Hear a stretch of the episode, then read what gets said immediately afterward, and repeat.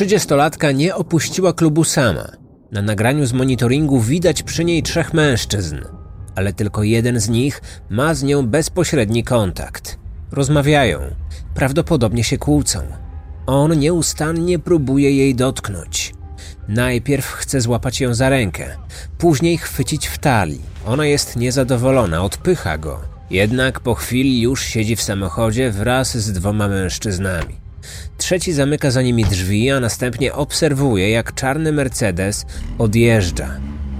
To nagranie znalazło się w rękach hiszpańskich policjantów. Aby odnaleźć zaginioną, musieli oni jak najszybciej znaleźć odpowiedź na pytanie, co wydarzyło się później.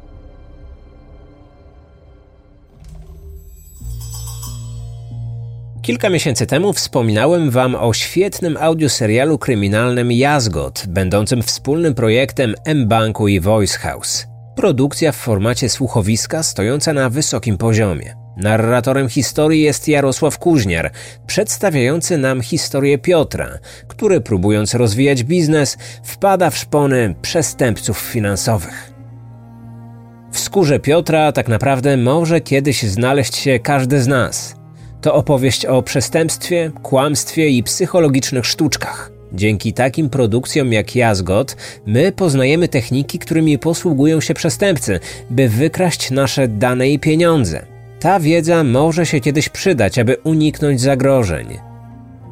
Historia stworzona na podstawie scenariusza Łukasza Orbitowskiego jest ciekawa i wciągająca, a realizacja naszpikowana efektami dźwiękowymi sprawia, że trudno się od tego oderwać. Dziś przypominam Wam o tej serii, ponieważ w Spotify, jak i w innych platformach podcastowych są już dostępne wszystkie odcinki do odsłuchu bezpłatnie w podcaście Jazgot. Jeżeli ktoś czekał na cały sezon i lubi binge'ować seriale, to jest ku temu okazja. Proponuję wrzucić na słuchawki lub głośniki jazgot i przesłuchać go razem z najbliższymi. Wciąga, uczy i skłania do refleksji. Bezpośredni link do audioserialu zamieszczam w opisie odcinka. Nadmienię jeszcze, że materiał powstał w ramach płatnej współpracy z M-Bankiem i Voice House. Kryminatorium Otwieramy akta tajemnic. Był początek września 2014 roku. Bliscy 30-letniej Agnesy Klawiny nie mogli się z nią skontaktować. Kobieta nie odbierała telefonów, nie odpowiadała na SMSy i wiadomości wysłane do niej przez komunikatory internetowe. Ta nieoczekiwana cisza wzbudziła u nich podejrzenia i niepokój. Wcześniej nic podobnego się nie zdarzyło. Telefon był właściwie przyklejony do jej dłoni. Często korzystała z social mediów. Chętnie wrzucała różne posty, a co za tym idzie, szybko reagowała na próby nawiązywania z nią kontaktu. Ale nagle jakby zapadła się pod ziemię. I to nie była już kwestia minut czy godzin, ale dni. Rodzice, siostra i chłopak nie mieli możliwości, by pójść do jej mieszkania, sprawdzić, czy wszystko u niej w porządku. Z prostego powodu. Dzieliły ich tysiące kilometrów. Agnese, choć była łotyszką, od kilku miesięcy przebywała w Hiszpanii, konkretnie w Marbei, kurorcie turystycznym w regionie Costa del Sol. Urodziła się w 1984 roku w Rydze, skąd pochodziła jej rodzina. Natomiast jej chłopak mieszkał w Londynie. Zaniepokojony mężczyzna skontaktował się z hiszpańskimi znajomymi swojej dziewczyny. Dowiedział się wówczas od nich, że tuż po tym jak w piątkowy wieczór rozmawiał z nią przez telefon po raz ostatni, z niektórymi z nich poszła na imprezę. Jednak kiedy oni postanowili wrócić już do swoich domów, ona postanowiła zostać. Nie wyszła z nimi z lokalu. To był ostatni raz, kiedy ją widzieli. Później już się do nich nie odezwała. Zmartwieni kilkudniową ciszą poszli ją odwiedzić, ale ona nie otworzyła im drzwi do swojego mieszkania. Zaniepokoiło ich to, ponieważ zwrócili uwagę, że przed blokiem zaparkowany był jej samochód. O wszystkim opowiedzieli chłopakowi kobiety, który od tego momentu zaczął się jeszcze bardziej obawiać.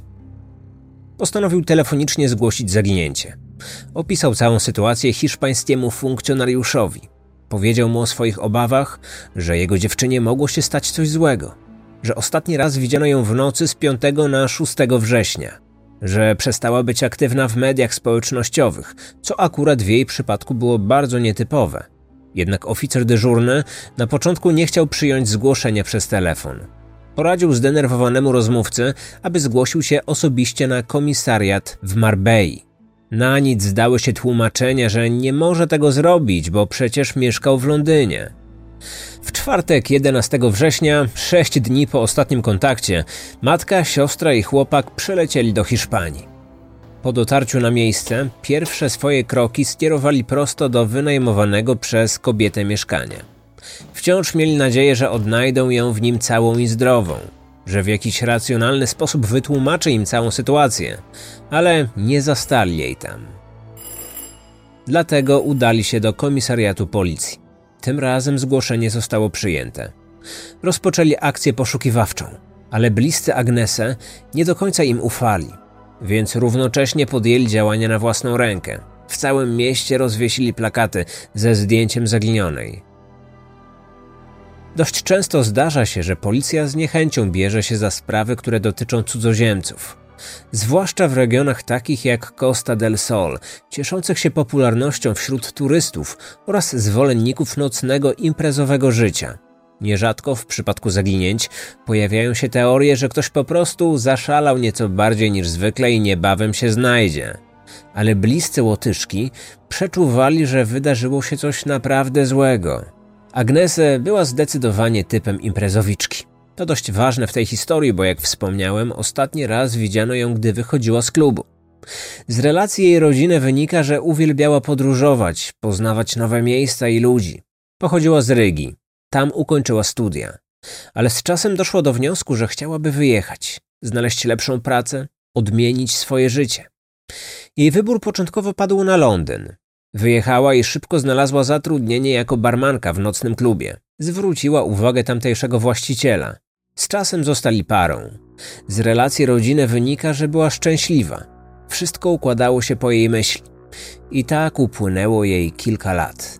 Nieoczekiwanie pojawiła się oferta tymczasowej przeprowadzki. Tym razem do Hiszpanii. Możliwość podjęcia pracy w ekskluzywnym klubie.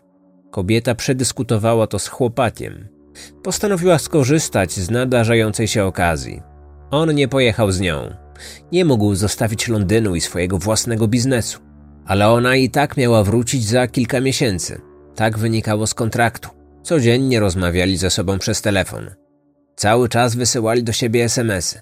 Później okazało się, że jej pobyt w Hiszpanii nieco się przedłuży. Pojawiła się kolejna oferta pracy, tym razem z innego lokalu. Marbella to miasto, które słynie z imprez. Jest szczególnie uwielbiane przez różnej maści celebrytów czy sportowców. Nie wspominając już o bogaczach, chętnie wydających ogromne pieniądze na wystawny styl życia. Trzydziestolatka pracowała w klubie nocnym, ale po godzinach pracy chętnie wybierała się do podobnych miejsc. Choć przyleciała do Hiszpanii sama, szybko znalazła przyjaciół i znajomych ekstrawertyczna, pewna siebie i przyjaźnie nastawiona do innych, w dodatku młoda i, obiektywnie rzecz biorąc, atrakcyjna. Te cechy sprawiały, że ludzie sami do niej lgnęli. Podobała się mężczyznom, choć była w szczęśliwym związku i nie szukała okazji do zdrady.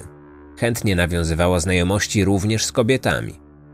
W piątek 5 września 2014 roku poszła na imprezę z grupą przyjaciół. Na miejsce zabawy wybrali klub, w którym byli stałymi bywalcami. Tej nocy zrobiono jej zdjęcie. Jest na nim uśmiechnięta. Prawdopodobnie stoi obok kogoś znajomego, ale fotografia została wykadrowana w taki sposób, że nie widać kto to jest. Blondynka ma na sobie białą sukienkę z kolorowymi elementami. W dłoni trzyma drinka. Widać również zawieszoną na ręce białą torebkę. Z tego zdjęcia wynika, że dobrze bawiła się tamtej nocy co zresztą potwierdzili później jej znajomi. Tak dobrze, że kiedy oznajmili jej, że są już zmęczeni i wychodzą, ona postanowiła zostać. I została. Nikt z grupy znajomych już więcej jej nie widział. Z ich zeznań wynika, że Łotyszka już więcej nie skontaktowała się z nimi. Kiedy w sobotę napisali do niej z pytaniem, jak minęła impreza, nie doczekali się żadnej odpowiedzi. Policjanci próbowali się od nich dowiedzieć, czy stało się coś nietypowego w czasie ich wspólnej zabawy. Mówili, że nie. Podkreślali jednak, że podczas imprezy Agnese rozmawiała z kilkoma nieznanymi osobami, choć nie byli w stanie wskazać żadnych nazwisk. Zapamiętali szczególnie jedną z kobiet, podobno Rosjankę. Policjantom nie udało się ustalić jej tożsamości. Ale czy na pewno przytrafiło jej się coś złego? Zdaniem śledczych niekoniecznie. Może po prostu gdzieś wyjechała, aby odciąć się od najbliższych. Z jej życiorysu ewidentnie wynikało przecież, że lubiła zmiany. Choć zarówno jej rodzina, jak i jej chłopak wątpili w to. Ich zdaniem Agnese na pewno by tak nie postąpiła. Nie miała ku temu żadnych powodów. Przeszukanie jej mieszkania wykazało, że nic nie zniknęło. Pieniądze, paszport, inne dokumenty, walizka i ubrania to wszystko było na swoim miejscu. To tylko utwierdziło jej bliskich w przekonaniu, że wydarzyło się coś złego. Mówili, że przecież gdyby naprawdę chciała uciec i się gdzieś zaszyć, to nie zostawiłaby w swoim mieszkaniu potrzebnych jej rzeczy, a w szczególności ważnych dokumentów. Nie wspominając już o aucie zaparkowanym przed budynkiem. Minęło kilka dni, a z jej konta bankowego nie wypłacono gotówki. Nie dokonano również żadnych transakcji kartą. Śledczy odkryli, że w sobotę 6 września w godzinach porannych kobieta przez chwilę korzystała z telefonu, prawdopodobnie z mediów społecznościowych. Urządzenie było aktywne jeszcze przez kilka godzin, ale około 11 zostało ostatecznie wyłączone.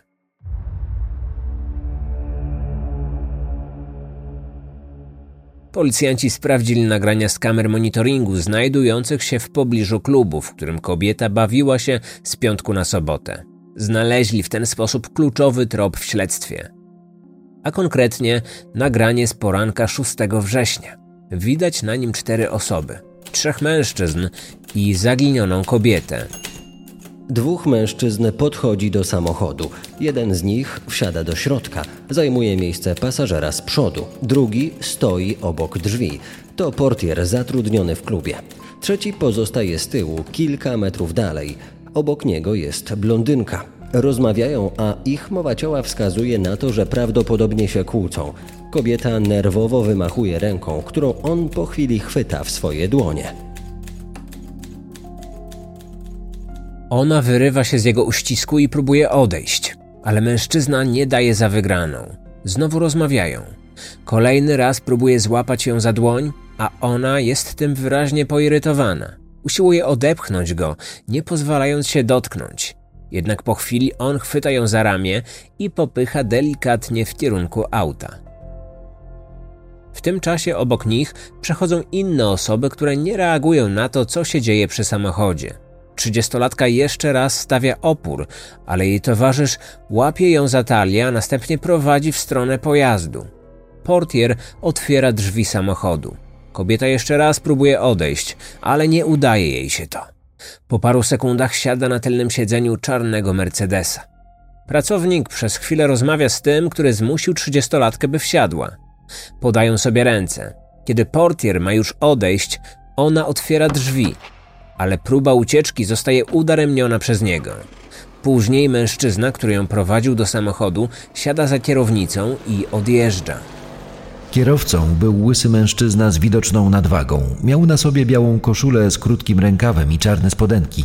Jego kolega, który na początku nagrania wsiadł do samochodu, był szczupły, z krótkimi ciemnymi włosami, ubrany w koszulkę bez rękawów i spodenki. Miał zawieszoną przez ramię małą torebkę. Obaj byli biali, w przeciwieństwie do czarnoskórego pracownika. Nagranie pochodzi z godziny szóstej. Jak już wiemy, mniej więcej w tym samym czasie Agnese przez chwilę korzystała ze swojego telefonu. Policjanci musieli w pierwszej kolejności ustalić tożsamość tych trzech mężczyzn. Szybko im się to udało. W listopadzie 2014 roku w mediach pojawiła się informacja o zatrzymaniu dwóch Brytyjczyków i Kameruńczyk. Wkrótce opuścili jednak areszt po wpłaceniu kaucji.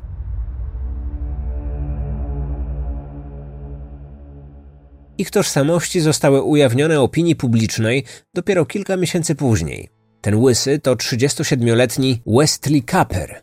Drugi z mężczyzn to jego przyjaciel, 33-letni wówczas Craig Porter. Portierem był młody imigrant z Kamerunu, Siani Usman. Co właściwie o nich wiemy? Zacznijmy może od tego ostatniego. Kiedy policjanci go przesłuchali, Afrykańczyk przyznał, że kojarzył kobietę. Nazywał ją stałą bywalczynią klubu. Czy tak samo było w przypadku dwóch Brytyjczyków? Tego nie wiadomo. Ale na pewno zwrócił na nich uwagę tamtej nocy. A to dlatego, że musiał ich wyprowadzić z lokalu, ponieważ sprawiali problemy. Ale policja nie ujawniła jakie konkretnie. Kameruńczyk wyjaśnił, że trzydziestolatka nie wyglądała i nie zachowywała się tak, jakby była w niebezpieczeństwie, kiedy wsiadała do samochodu. Nie poprosiła go o pomoc. Według niego dobrowolnie podjęła decyzję o wejściu do środka pojazdu. Jeśli mężczyźni chcieli jej coś zrobić, on nie miał żadnej wiedzy na ten temat.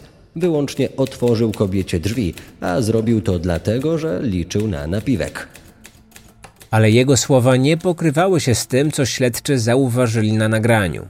Widać tam wyraźnie, że łotyszka próbowała kilkukrotnie odejść. Kiedy Westley ją dotykał, nie była z tego zadowolona. Poza tym chciała uciec. Ale wtedy portier zamknął jej drzwi przed nosem. Brytyjczycy od początku utrzymywali, że nic jej nie zrobili. Przyznali, że tamtej nocy dość sporo wypili. Zażyli również nielegalne substancje. W trakcie imprezy obaj zwrócili uwagę na atrakcyjną blondynkę. Później, kiedy została sama w klubie, zaproponowali jej afterparty w apartamencie jednego z nich. Twierdzili, że początkowo była chętna na dalszą zabawę. Craig powiedział, że chwilę po tym, jak wsiadł do samochodu, zasnął. Nie wiedział, co takiego wydarzyło się w trakcie jazdy. Westley z kolei zaczął mówić, że nieoczekiwanie Agnese zmieniła zdanie. Chciała wrócić do swojego mieszkania. Zaproponował, że podwiezie ją pod sam blok, ale ona zaprotestowała. Wolała natychmiast wysiąść. 37-latek wskazał konkretne miejsce. Okazało się, że było to rondo oddalone około 40 minut pieszo od jej domu. Policjantom trudno było uwierzyć w taką wersję zdarzeń. Czy pijana i zmęczona kobieta w szpilkach chciałaby w takich warunkach wrócić do domu na piechotę? nie skorzystałaby z darmowej podwózki? Albo przynajmniej nie wybrałaby sobie jakiegoś innego miejsca do wysiadki bliżej mieszkania?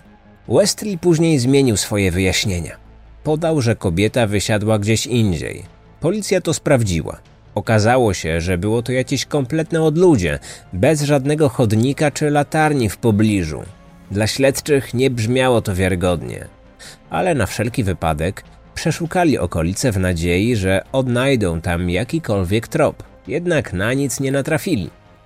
Słowa mężczyzny przede wszystkim nie pokrywały się z treścią nagrania. Poza tym, życiorysy tych podejrzanych stawiały ich w bardzo złym świetle. Westley był znany w środowisku mafijnym. Chciał uchodzić za jednego z gangsterów, ale informatorzy policyjni powiązani z tym półświadkiem drwili z niego. Nazywali pogardliwie synkiem bogatego tatusia zwykłym prześladowcą, który kochał wizerunek mafioza, a tak naprawdę nigdy nim nie był. Pochodził z bardzo bogatego domu. Jego ojciec, multimilioner, jeden z najbogatszych ludzi w Wielkiej Brytanii, dorobił się w branży deweloperskiej. Miał swoje okazałe wille w takich regionach jak Hiszpania czy Gibraltar. Zawsze rozpieszczał syna, finansował jego zachcianki i wyciągał z wszelkich kłopotów a tam, gdzie pojawiał się Westley, zazwyczaj był też Craig. Lubili alkohol, narkotyki i imprezy. To, że z jakiegoś klubu wyrzucono ich za nieodpowiednie zachowanie, było w ich przypadku czymś zupełnie normalnym. Czuli się praktycznie nietykalni do czasu. Stróże prawa zdobyli kolejne nagranie z kamer tym razem pochodzące z portu w Mursi, w której niegdyś znajdowała się łódź należąca do rodziny dewelopera. W przeciwieństwie do pierwszego filmu, ten nigdy nie został opublikowany w sieci, ale policja poinformowała opinię publiczną, co takiego się w nim znajdowało. Podejrzani wraz z dwoma innymi osobami weszli na pokład. Ciągnęli ze sobą dużą walizkę na kółkach. Najwidoczniej mają doskonałą wiedzę, w których obszarach rozmieszczono kamery bezpieczeństwa, bo starali się ich unikać. A gdy już znaleźli się w ich zasięgu, sprytnie odwracali głowę lub zasłaniali twarze czapkami. Za wszelką cenę starali się pozostać niezauważeni. Do opisanego zdarzenia doszło 10 września, czyli cztery dni po zniknięciu Agnese. Chwilę przed godziną 19 odpłynęli. Wrócili kilka godzin później. 13 września łódź ponownie opuściła przystań. Prawdopodobnie z tą samą załogą. Nie wiadomo nic na temat tożsamości dwóch pozostałych osób. Nie podano ich do wiadomości publicznej. Syn milionera i jego przyjaciel twierdzili, że nie miało to nic wspólnego ze zniknięciem kobiety. Po prostu wybrali się ze znajomymi na krótki rejs łodzią. Kiedy ta informacja dotarła do mediów, w prasie pojawiły się nagłówki sugerujące, że zwłoki trzydziestolatki wyrzucono do morza. Taka wersja wydawała się prawdopodobna, nawet dla bliskich ofiary. Prawnik rodziny skomentował to słowami, że policja powinna szukać jej ciała u wybrzeży Mursi. Wkrótce wydano decyzję o przeszukaniu łodzi, która tym razem zacumowana była w porcie w hiszpańskiej Kartagenie. Ale technicy kryminalistyki ostatecznie nic tam nie odnaleźli. Żadnego DNA zaginionej, żadnych śladów jej obecności na pokładzie. Natomiast w bagażniku Mercedesa zabezpieczyli kilka jasnych włosów. Agnesę była blondynką, więc mogły one należeć do niej. Jednak wyniki przeprowadzonych badań ani tego nie potwierdziły, ani nie wykluczyły. Tak więc nie wiadomo, czy je były. Policjanci sprawdzili bilingi telefoniczne Westleya. Okazało się, że rankiem 6 września wykonał sporo telefonów. Pomiędzy 6.23 a 6.38 zadzwonił do niejakiego Pola aż 14 razy. Podejrzany twierdził, że to jego przyjaciel, a powodem tych połączeń była chęć zakupu nielegalnych substancji. Policja przesłuchała tego mężczyznę, a on to potwierdził. Jednak na tym nie kończyły się dziwne telefony tego poranka. Brytyjczyk kilkukrotnie wybrał numer alarmowy, ale za każdym razem się rozłączał. Później tłumaczył, że zadzwonił tam przez pomyłkę. Śledczy zastanawiali się, ile jest w tym prawdy. Przecież można było się pomylić raz, ale on podjął przynajmniej kilka takich prób. Przeciwko niemu i jego przyjacielowi zgromadzono dość sporo dowodów obciążających. Jednak zdaniem prokuratury żaden z nich nie wskazywał, że ci mężczyźni zabili kobietę. Nie odnaleziono jej ciała, co znacząco utrudniało całą sprawę. 18 miesięcy po zniknięciu Łotyszki oficjalnie postawiono im zarzut porwania. Akt oskarżenia, ale z prywatnej inicjatywy rodziny ofiary wydano też wobec pracownika klubu. Zarzucono mu pomocnictwo w porwaniu. W oczekiwaniu na proces mężczyźni nie mogli opuścić kraju. Najbardziej niezadowoleni z tego byli Brytyjczycy. Chcieli żyć tak jak wcześniej, czyli robić wszystko to, na co mieli ochotę bez oglądania się na innych. W 2017 roku sąd wyjątkowo pozwolił Craigowi wrócić na jakiś czas do rodzinnego Liverpoolu. Jego życiowa partnerka spodziewała się dziecka i niebawem miał zostać ojcem. Kiedy bliscy Agnese dowiedzieli się o tym, poczuli wściekłość i rozgoryczenie wobec hiszpańskiego wymiaru sprawiedliwości. Zaczęli obawiać się najgorszego tego, że mężczyzna już nie wróci, że proces odbędzie się bez jego obecności, że nawet jeśli zostanie skazany, uniknie odpowiedzialności. Jednak ich obawy okazały się bezpodstawne, ponieważ wkrótce przyleciał on do Hiszpanii. Rozprawy rozpoczęły się w marcu 2019 roku. Oskarżeni w dalszym ciągu nie przyznawali się do winy. Craig i Westley powtarzali jak zdarte płyty, że kobieta dobrowolnie wsiadła do samochodu. Starszy z mężczyzn dodał, że po kilku minutach zmieniła zdanie i poprosiła, aby się zatrzymał. Wysiadła i nigdy więcej jej nie widział.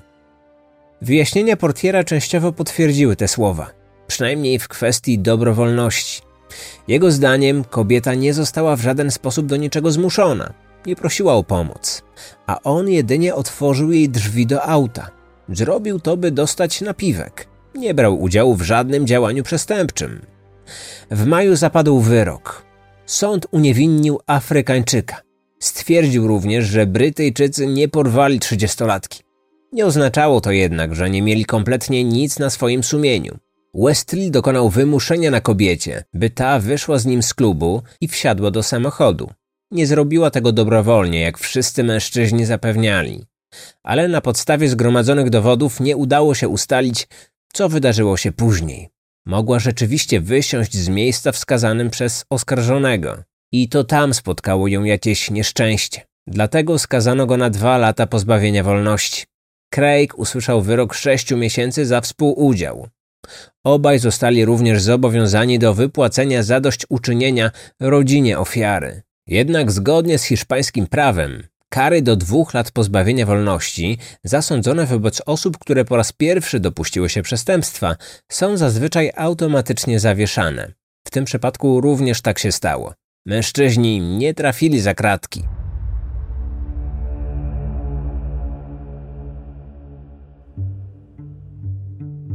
Jeszcze przed procesem każdy z nich wszedł w kolejny konflikt z prawem. W maju 2016 roku Westley został aresztowany za potrącenie autem 40-letniej kobiety. Fatima Dorado przechodziła przez pasy, kiedy wjechał w nią rozpędzony Bentley. Jej ciało wylądowało 30 metrów dalej.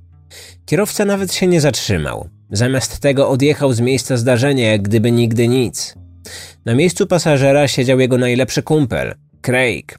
Panowie od razu pojechali do pubu, gdzie wypili kilka drinków i dobrze się bawili. Dzięki zeznaniom naocznych świadków oraz nagraniom z kamer monitoringu szybko ustaliliśmy, do kogo należał pojazd. I jeszcze tego samego wieczoru syn brytyjskiego milionera został zatrzymany w trakcie spożywania alkoholu w barze. Niedługo później potrącona ofiara zmarła w wyniku odniesionych obrażeń. Kobieta pochodziła z Boliwii. Od kilku lat mieszkała w Hiszpanii. Pracowała jako kucharka w restauracji. W domu czekał na nią mąż i roczne dziecko. Sprawca próbował się usprawiedliwić, że spanikował i pod wpływem silnych emocji odjechał z miejsca przestępstwa. Ale potem okazało się, że jeszcze zanim wsiadł za kółko, był pod wpływem alkoholu i nielegalnych substancji. Ten proces odbył się w 2020 roku. Westley został skazany na dwa lata pozbawienia wolności w zawieszeniu na trzy lata. Odebrano mu również prawo jazdy na dwa lata. Zdaniem sądu wyraził skruchę, dlatego zastosowano niski wymiar kary. Z własnych środków opłacił transport zwłok do Boliwii. Ponadto co miesiąc wypłacał rodzinie ofiary kwotę w wysokości 1100 euro, a także listownie przeprosił ich za doznaną z jego winy stratę. Craig natomiast w 2018 roku dokonał kradzieży samochodu z użyciem przemocy. Wraz ze wspólnikiem późną porą w pobliżu klubu nocnego podszedł do wcześniej upatrzonego pojazdu. Wsiedli do środka, gdzie oprócz kierowcy był jeszcze pasażer. Grożąc nożem, nakazali uruchomić silnik i jechać. Agresorzy mieli przy sobie również szklane butelki. Zapewniali, że wykorzystają je do zrobienia mężczyznom krzywdy, jeśli nie będą słuchać ich instrukcji. Kierowcy i pasażerowi udało się na szczęście uciec. Wykorzystali nieuwagę pijanych napastników, zatrzymali auto i z niego wyskoczyli. Jeden z przestępców zajął wtedy miejsce za kierownicą i szybko odjechał. Właściciel pojazdu zgłosił kradzież na policję. Podobno mężczyzna doznał jakichś obrażeń w wyniku tego zdarzenia, ale nic konkretnego na ten temat nie wiadomo. Pojazd został jakiś czas później odnaleziony. Tyle, że doszczętnie spalony. Craig początkowo był nieuchwytny. Złapano go ponad miesiąc później i to przez czysty przypadek. Znalazł się w samochodzie, którego kierowca przekroczył dozwoloną prędkość. Wszyscy pasażerowie musieli okazać swoje dokumenty funkcjonariuszowi gwardii cywilnej, który dokonał zatrzymania. Twierdzili, że akurat nie mają przy sobie dokumentów. Craig myślał, że już mu się upiekło, ale nagle mundurowy zaczął się przypatrywać. Rozpoznał jego twarz dzięki doniesieniom medialnym w sprawie zaginionej trzydziestolatki. Skojarzył też, że wystawiono wobec niego nakaz aresztowania. W mediach jak na razie brak informacji na temat ewentualnego procesu w związku z tym przestępstwem. Te działania oraz nadużywanie alkoholu i innych substancji miały być wynikiem silnego stresu związanego ze sprawą Agnesę oraz brakiem możliwości wyjazdu z kraju. Tak właśnie się tłumaczyli. Jednak rodzina zaginionej Łotyczki uważała, że hiszpański wymiar sprawiedliwości potraktował sprawców zbyt łagodnie. Twierdzą, że mężczyźni powinni zostać pociągnięci do odpowiedzialności za morderstwo, a nie za przestępstwa o mniejszej wadze. I że gdyby śledztwo policyjne nie było tak bardzo rozciągnięte czasowo, proces odbyłby się szybciej i być może nie byłoby kolejnych pokrzywdzonych. Od samego początku towarzyszyła im myśl, że kobieta nie żyje, choć nie odnaleziono jej ciała. Brak możliwości pochówku odebrał im szansę na normalne życie. Zagwarantował za to ciągłe zastanawianie się, co ją spotkało, jak wyglądały ostatnie chwile jej życia, czy bardzo cierpiała.